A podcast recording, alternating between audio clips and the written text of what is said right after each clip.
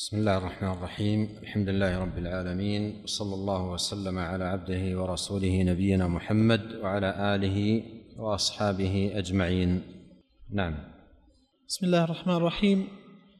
قال المصنف رحمه الله خاتمة في تحصيل ثمرات العلم النافعة واجتناء قطوفه الدانية اليانعة وحاصل العلم ما أملي الصفات له فأصغ سمعك واستنصت إلى كلم وذاك لا حفظك الفتيا بأحرفها ولا بتسويدك الأوراق بالحمم. ولا تصدر صدر الجمع محتبيا تمليه لم تفقه المعني بالكلم. ولا العمامة إذ ترخى ذؤابتها تصنعا وخضاب الشيب وخضاب الشيب بالكتم. ولا بقولك نعم شيخ. بعد البيت. ولا العمامة إذ ترخى ذؤابتها تصنعا وخضاب الشيب بالكتم. نعم. ولا بقولك يعني دائبا ونعم كلا ولا حملك الأسفار كالبهم. الأسفار حملك الأسفار. ولا بحمل شهادات مبهرجة بزخرف القول من نثر ومنتظم. بل خشية الله في سر وفي علن فاعلم هي العلم كل العلم فالتزم. فلتعرف الله ولتذكر تصرفه وما على علمه قد خط بالقلم وحقه اعرف وقم حقا بموجبه ومنهج ومنهج الحق فاسلك عنه غير عمي أشقى وأسعد مختارا أضل هدى أدنى وأبعد عدلا منه في القسم. أوحى وأرسل وصى آمرا ونهى أحل حرم شرعا كامل الحكم. يحب الإحسان والعصيان يكرهه والبر يرضاه مع, سخط لحرمهم بمقتضى ذين في الدارين مضطرد لا ظلم يخشى ولا خير بمنهضم. فاعمل على وجل وادأب إلى أجل واعزل عن الله سوء الظن والتهم. نعم. هذه خاتمة هذه المنظومة عقد رحمه الله هذا الفصل قال خاتمة في تحصيل ثمرات العلم النافعة واجتناء قطوفه الدانية اليانعة. لما بين رحمه الله فيما سبق فضل العلم وشرفه ومكانته وبين أصل العلم وهو كتاب الله وسنة نبيه صلى الله عليه وسلم وحذر من العلوم الباطلة كعلم الكلام والتنجيم والكهانة وغير ذلك وحذر من الفتن. أتى رحمه الله في تمام هذا النظم فعقد هذه الخاتمة ليبين من خلالها ثمار العلم النافعة وقطوفه الدانية اليانعة. وأيضا بين رحمه الله في صدر هذه الخاتمة أن تلك الثمار والقطوف والآثار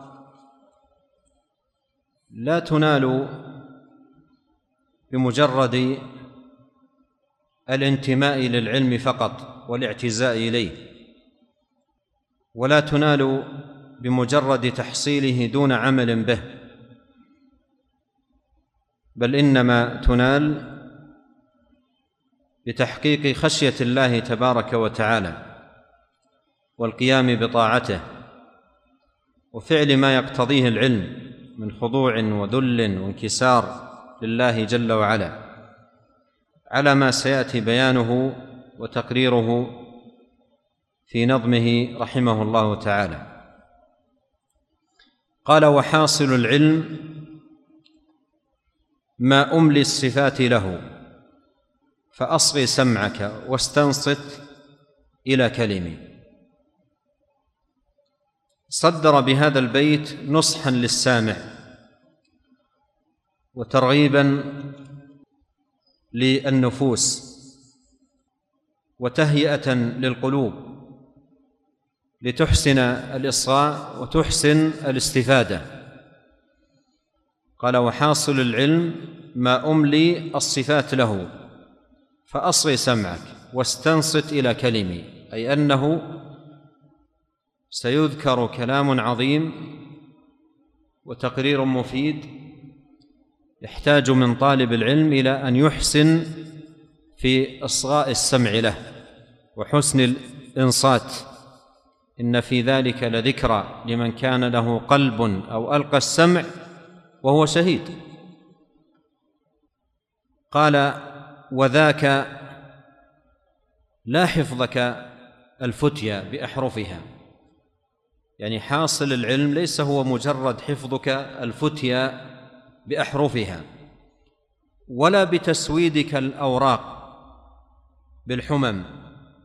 الحمم على وزن صرد الفحم يعني لا تسويدك الأوراق بالحبر. ليس هذا مجرد العلم. أن تمسك قلبا وتسمع ما يقال وتكتب ليس هذا مجرد العلم. ولا أيضا أن تحفظ الفتيا وكلام أهل العلم بأحرفه ولا تصدر صدر الجمع محتبيا. تمليه لم تفقه المعني بالكلم وليس أيضا العلم أن تكون لك الصدارة في المجالس وتجلس أمام الناس والسامعين وتلقي وتملي عليهم. ولا تصدر صدر الجمع محتبيا أي جالسا جلسة الاحتباء وهي معروفة. تمليه أي تملي العلم على من عندك. لم تفقه المعني بالكلم يعني دون أن تقف أنت على مقاصد الشرع وحقائق العلم ومعاني الألفاظ ودلالاتها ولا العمامة. إذ ترخى ذؤابتها تصنعا. وليس العلم أن يصبح على رأس الإنسان عمامة جميلة ولها ذؤابة طويلة ويتصنع بتزيين عمامته وتحسين مظهره ليكون صورته صورة جذابة للناس يتصنع ويتظاهر ولا العمامة إذ ترخي ذؤاب إذ ترخى ذؤابتها تصنعا. والعمامة التي يضعها بعض أرباب الباطل وأصحاب الطرق. العمامة وحدها بهيئتها واضلت أقوام. أخذوا كل من كل ما عنده بسبب عمامته. عمامة على رأسه جذابة والعوام تأخذ قلوبهم تلك العمامة وكل ما قاله من حرف قبلوه. لا لشيء إلا لأن العمامة التي فوق رأسه جعلتهم ينقادون.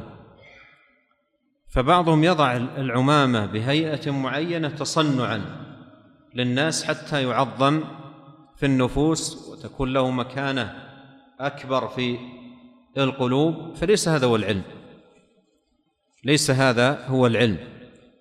ولا العمامة إذ ترخى ذؤابتها. تصنعا. يعني يتصنع بأنه عالم وأنه فاضل وأنه وخضاب الشيب بالكتم. خضاب الشيب أي تغيير لون الشيب بالكتم والكتم لونه أسود. قد جاء عن النبي صلى الله عليه وسلم الأمر بتغيير الشيب وتجنيبه السواد. قال ولا العمامة إذ ترخى ذؤابتها تصنعا وخضب الشيب بالكتم. ولا بقولك يعني دائبا. ونعم كلا ولا حمل كالأسفار كالبهم. أيضا وليس العلم أنت تتصدر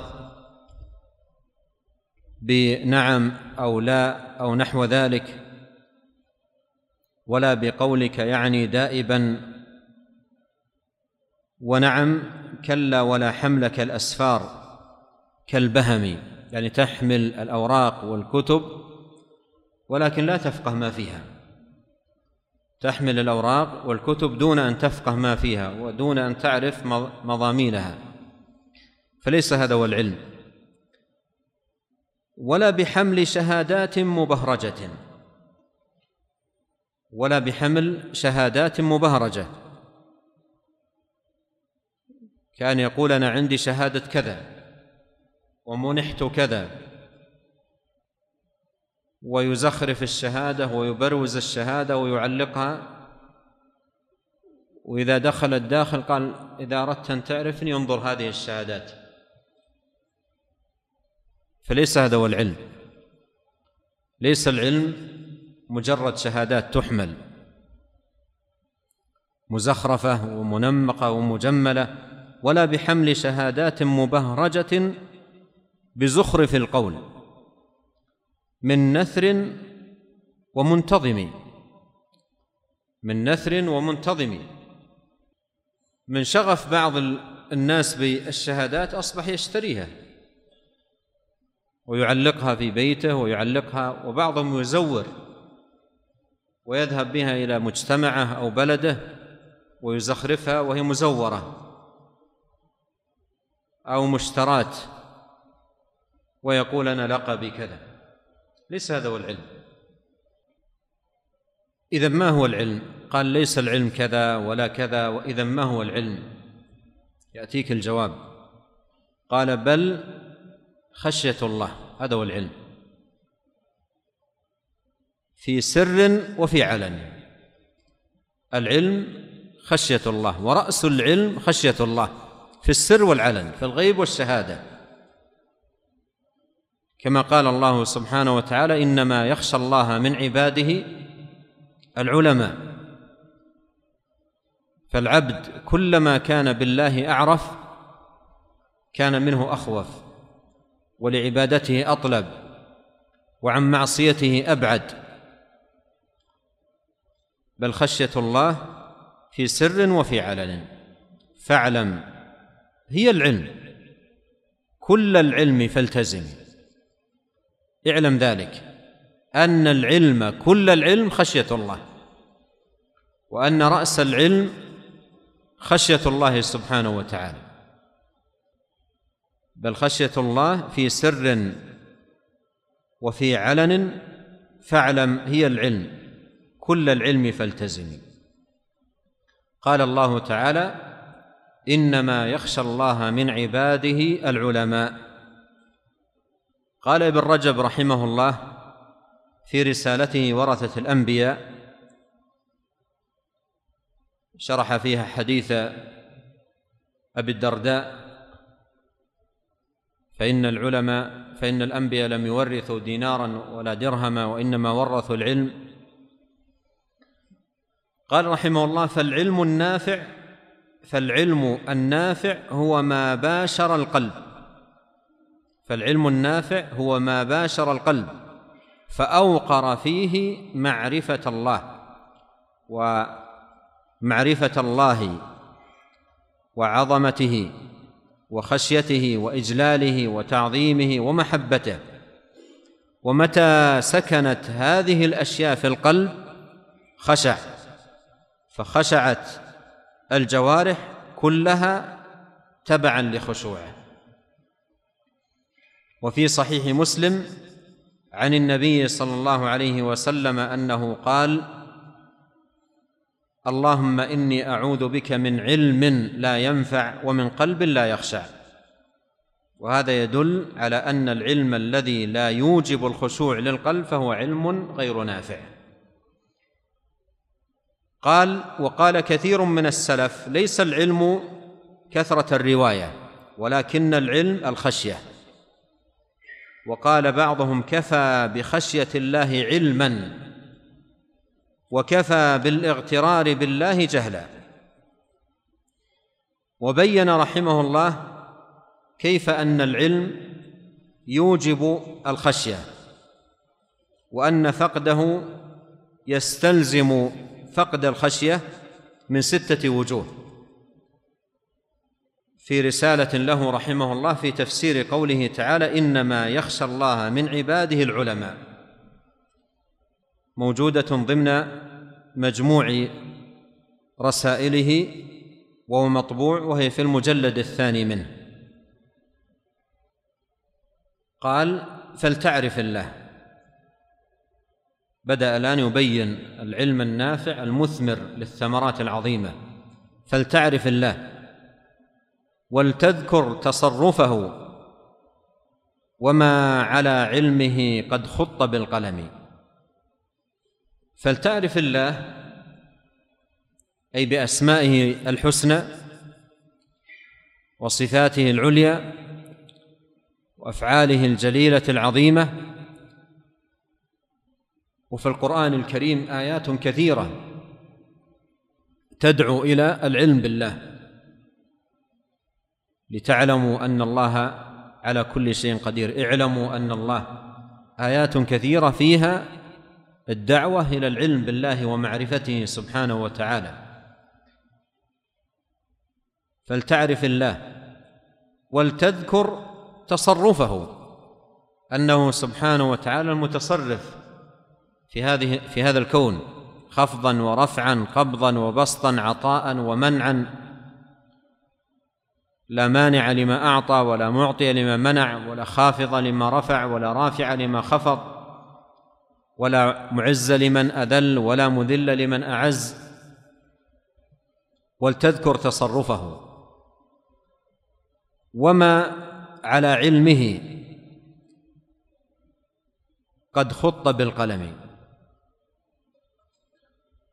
قوله على علمه أي علم الله سبحانه وتعالى المحيط بكل شيء الذي وسع كل شيء. كما قال جل وعلا وسع ربي كل شيء علما. أفلا تذكرون؟ أفلا تتذكرون؟ قال جل وعلا ولا يحيطون بشيء من علمه إلا بما شاء. وقوله قد خط بالقلم أي أن الله عز وجل علم الأشياء ازلا وأحاط علمه علمه بكل شيء وخلق القلم وأمره سبحانه وتعالى بأن يكتب ما هو كائن إلى يوم القيامة. كما جاء في حديث عبادة بن الصامت رضي الله عنه قال قال رسول الله صلى الله عليه وسلم إن أول ما خلق الله القلم. فقال اكتب. فقال ما أكتب؟ قال اكتب القدر وما كان وما هو كائن إلى الأبد. رواه أحمد وأبو داود والترمذي. وقول الناظم رحمه الله وما على علمه قد خط بالقلم. عقد الإمام البخاري رحمه الله تعالى في كتابه الصحيح في كتاب القدر بابا قال فيه باب جف القلم على علم الله. باب جف القلم على علم الله. وهذا معنى قول الناظم وما على علمه قد خط بالقلم. جف القلم على علم الله قال وأظله الله على علم. وقال أبو هريرة قال لي النبي صلى الله عليه وسلم جف القلم بما أنت لاق. ووصله في موضع آخر. قال الحافظ رحمه الله في الفتح قوله باب بالتنوين جف القلم أي فرغت الكتابة إشارة إلى أن الذي كتب في اللوح المحفوظ لا يتغير حكمه. فهو كناية عن الفراغ من الكتابة لأن الصحيفة حال كتابتها تكون رطبة أو بعضها. وكذلك القلم فإذا انتهت الكتابة جفت الكتابة والقلم. وهذا لفظ حديث أخرجه أحمد وصححه ابن حبان من طريق عبد الله بن الديلمي عن عبد الله بن عمرو رضي الله عنهما سمعت رسول الله صلى الله عليه وسلم يقول إن الله عز وجل خلق خلقه في ظلمة ثم ألقى عليهم من نوره فمن أصابه من نوره يومئذ اهتدى. ومن أخطأ ضل فلذلك أقول جف القلم على علم الله. وأخرجه أحمد وابن حبان من طريق أخرى عن أبي الديلمي نحوه. وفي آخره عن ابن الديلمي نحوه. وفي آخره أن القائل فلذلك أقول هو عبد الله بن عمرو. ولفظه قلت لعبد الله بن عمرو بلغني أنك تقول إن القلم قد جف فذكر الحديث وقال في آخره فلذلك أقول جف القلم بما هو كائن انتهى. ثم قال الناظم رحمه الله وحقه اعرف. وقم حقا بموجبه. وحقه اعرف أي حق الله سبحانه وتعالى. اعرف حقه على عباده. وفي حديث معاذ بن جبل وفي الصحيحين أن النبي صلى الله عليه وسلم قال له يا معاذ هل تدري ما حق الله على عباده؟ قلت الله ورسوله أعلم. قال حق الله على عباده أن يعبدوه ولا يشركوا به شيئا. متفق عليه. ولهذا قال وحقه اعرف. أي اعرف حق الله عليك وهو أن تعبد الله سبحانه وتعالى مخلصا له الدين. فتفرده جل وعلا وحده بالعبادة. ولا تجعل معه سبحانه وتعالى شريكا في شيء منها. فلتعرف وحقه اعرف وقم حقا بموجبه. قم بما يستوجبه معرفتك بحق الله قم بذلك حق القيام. وجاهد نفسك على تتميم ذلك وتكميله. بأن تخلص الدين كله لله. وتسلم وجهك لله. مطيعا مخلصا صادقا ذليلا خاضعا. وحقه اعرف وقم حقا بموجبه. ومنهج الحق فاسلك عنه غير عمي. أي مع معرفتك بحق الله ومجاهدتك نفسك على القيام به إلزم منهج الحق والمنهج الذي كان عليه الرسول عليه الصلاة والسلام باتباع سنته ولزوم نهجه والاقتداء بهديه والبعد عن المحدثات التي ما أنزل الله بها من سلطان. وعليه يكون الناظم جمع في هذا البيت بين الإخلاص والمتابعة. الإخلاص للمعبود هو حق الله والمتابعة للرسول وهو حق حقه عليه الصلاة والسلام أن يتبع ويطاع ويمتثل أمره صلوات الله وسلامه عليه. ومنهج الحق أي المنهج الذي كان عليه الرسول صلى الله عليه وسلم فاسلك. عنه غير عمي أي لا تكن عميا أعمى عن الحق وعن الهدى الذي بعث به رسول الله صلى الله عليه وسلم. أشقى وأسعد مختارا اضل هدى أدنى وأبعد عدلا منه في القسم أو في القسم. هذه كلها أفعال الله فآمن بها. فإن إيمانك بها من من علمك بالله ومعرفتك به. أشقى وأسعد أي أن الشقاء والسعادة بيده.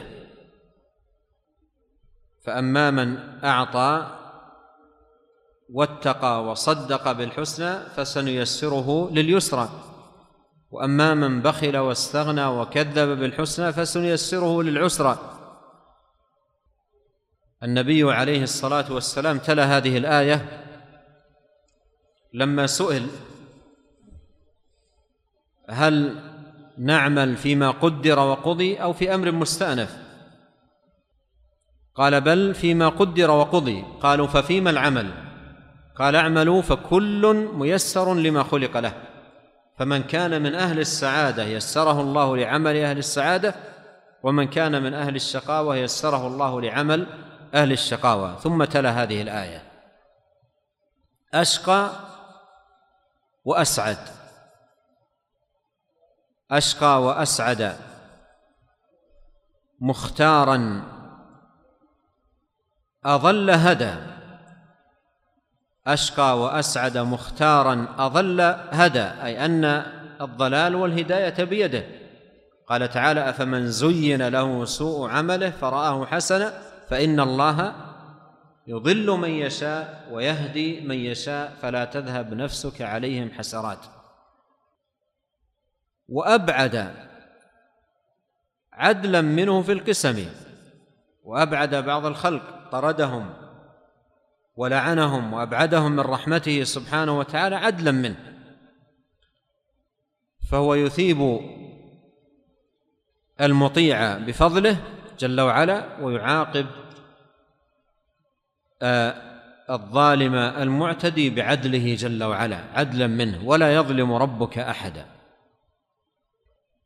الإمام الشافعي رحمه الله له أبيات جمعت هذه المعاني. يقول فيها ما شئت كان وإن لم أشأ وما شئت إن لم تشأ لم يكن. خلقت العباد على ما علمت وفي العلم يجري الفتى والمسن. على ذا مننت وهذا خذلت وهذا أعنت وذا لم تعن. فمنهم شقي ومنهم سعيد ومنهم قبيح ومنهم حسن. قال أوحى وأرسل وصى آمرا ونهى. أحل حرم شرعا كامل الحكم. أيضا آمن بهذه الأمور. أنه سبحانه وتعالى أوحى وأن الوحي المنزل على الأنبياء وحيه جل وعلا وتنزيله. وكذلك أوحينا إليك روحا من أمرنا. ما كنت تدري ما الكتاب ولا الإيمان ولكن جعلناه نورا نهدي به من نشاء من عبادنا. وأرسل الله يصطفي من الملائكة رسلا ومن الناس. ولقد بعثنا في كل أمة رسولا. وما أرسلنا من قبلك من رسول. وصى امرا ونهى. مثل قوله وقضى ربك ألا تعبدوا إلا إياه. ذلكم وصاكم به. وصى آمرا ونهى. يأمر جل وعلا وينهى يأمر بالعدل والإحسان وإيتاء ذي القربى وينهى عن الفحشاء والمنكر والبغي. لا يأمر إلا بما فيه الخير والفلاح والسعادة للناس في الدنيا والآخرة ولا ينهى إلا عما فيه الشر والضر على الناس في الدنيا والآخرة. آمرا ونهى. أحل حرم. التحليل والتحريم له جل وعلا.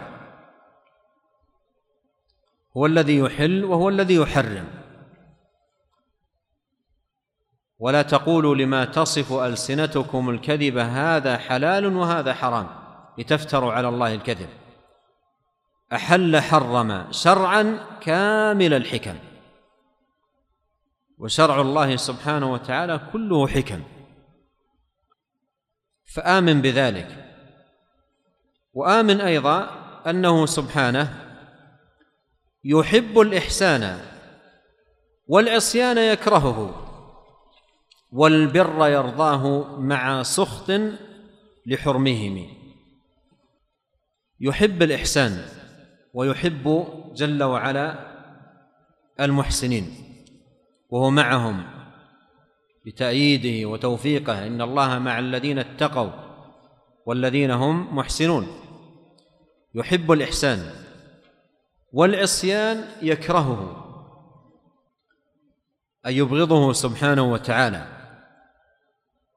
والبر يرضاه مع سخط لحرمهم. قال الله تعالى ولكن الله حبب إليكم الإيمان وزينه في قلوبكم وكره إليكم الكفر والفسوق والعصيان. أولئك هم الراشدون فضلا من الله ونعمة. قوله رحمه الله لحرمهم حرم مصدر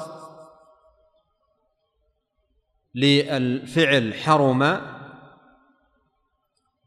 حرم حرما وحراما. فالحرم مصدر حرم. قال مع سخط لحرمهم أي سخط لما حرمه عليهم. إن فعلوا ذلك وارتكبوا ما نهاهم عنه.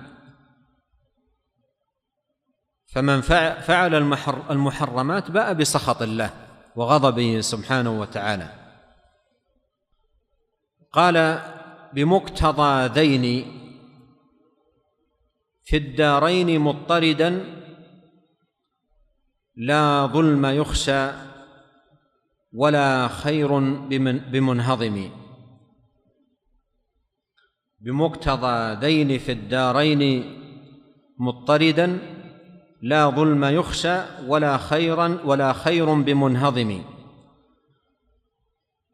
أي بمقتضى ذلك أنه سبحانه وتعالى أمر ووصى ودعا إلى فعل الطاعات والإحسان والعدل وأحب ذلك من عباده ورضي عنهم بفعله. ونهى عن الحرام وكرهه وسخطه وأبغضه بمقتضى ذين؟ في الدارين مضطردا في الدارين مضطرد لا ظلم يخشى ولا خير بمنهضم أي من عمل بما أمره الله سبحانه وتعالى به وما أحبه جل وعلا ورضيه وتجنب ما يغضب الله ويسخط الله وما يكرهه سبحانه وتعالى من الأفعال والأقوال لا يخشى ظلم في الدارين أمر مضطرد له في الدارين. لا يخشى ظلم لا في الدنيا ولا في الآخرة ولا أيضا يخشى أن يهضم شيء من حقوقه. فلا يخاف ظلما ولا هضما. لا يخاف ظلما ولا هضما. لا يخاف ظلما بأن يحمل من الأوزار أو الذنوب أو الآثام ما لم يقترف. ولا هضم لا يخاف أيضا أن يهضم شيء من حسناته أو طاعاته. فلا يزاد عليه سيئات لم يفعلها ولا أيضا يهضم حسنات فعلها. فبمقتضى دين أي قيام العبد بفعل ما يحبه الله ويرضاه وتجنب العبد لما يسخطه ويكرهه ويأباه لا يخاف ظلم ولا هضم. لا يظلم بأن يزاد لا لا يظلم بأن يزاد أو يحمل سيئات لم يفعلها ولا يهضم بأن ينتقص من حسناته وطاعاته التي فعلها.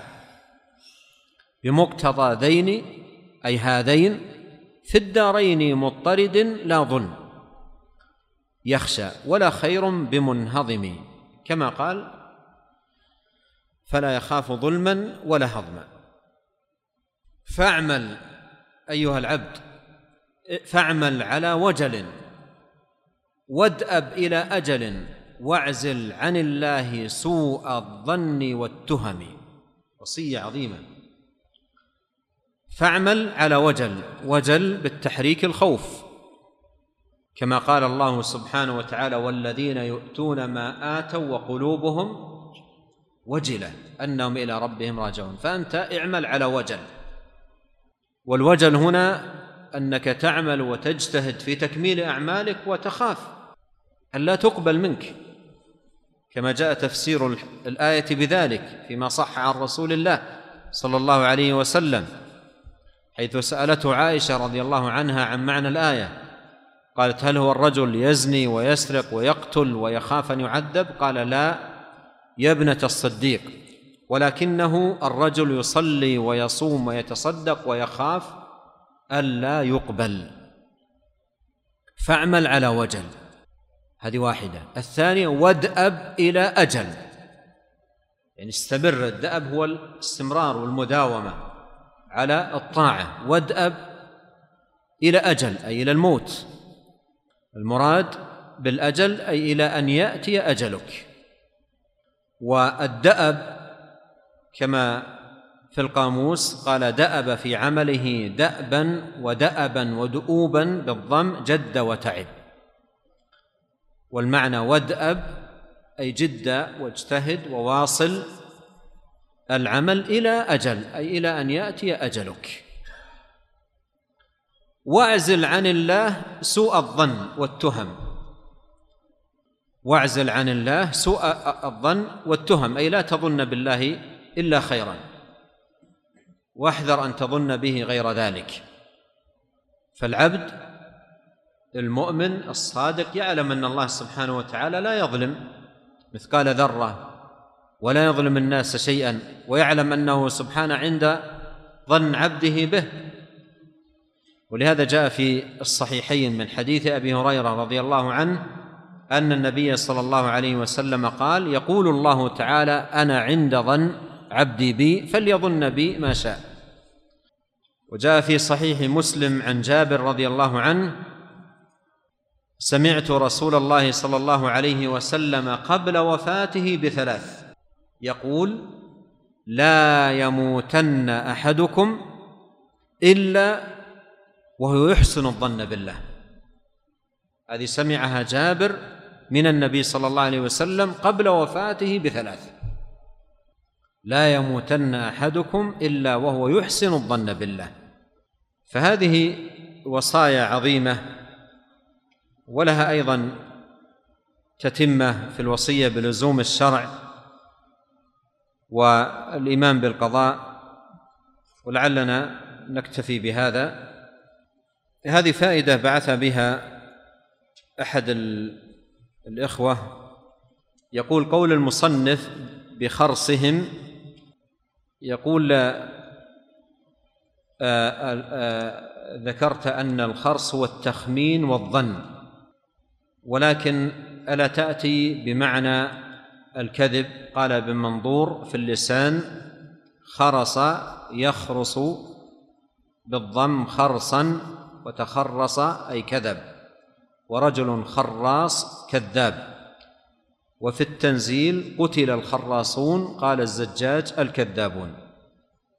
اقرأ علينا البيت اللي في هذا قال رحمه الله فذا سعود وذا نحس وطلسمه كذا وناسبه ذا كم بخرصهم. نعم هذا هو الصواب. بخرصهم المراد بذلك بالكذب والدجل. قال أيضا وقوله وخصهم ربنا قصرا. قال ابن فارس في المقاييس ومنه الباب ومن الباب قصاراك أن تفعل كذا وكذا وقصرك كأنه يراد ما اقتصرت عليه وحبست نفسك عليه. وفي التاج القصر الحبس. وفي حديث الأشهلية أنا معشر النساء محصورات مقصورات أي محبوسات ممنوعات. ويقال قصرت نفسي على الشيء إذا حبستها عليه وألزمتها إياه. هذا مر معنا أن آه، آه، أن أن أهل العلم خصهم قصرا خصهم قصرا أي جعل هذا الأمر من منته عليهم ومما خصهم به وميزهم به عن بقية الناس. وهذا من فضله سبحانه وتعالى ومنه على أهل العلم خاصة. والله تعالى أعلم وصلى الله وسلم على رسول الله.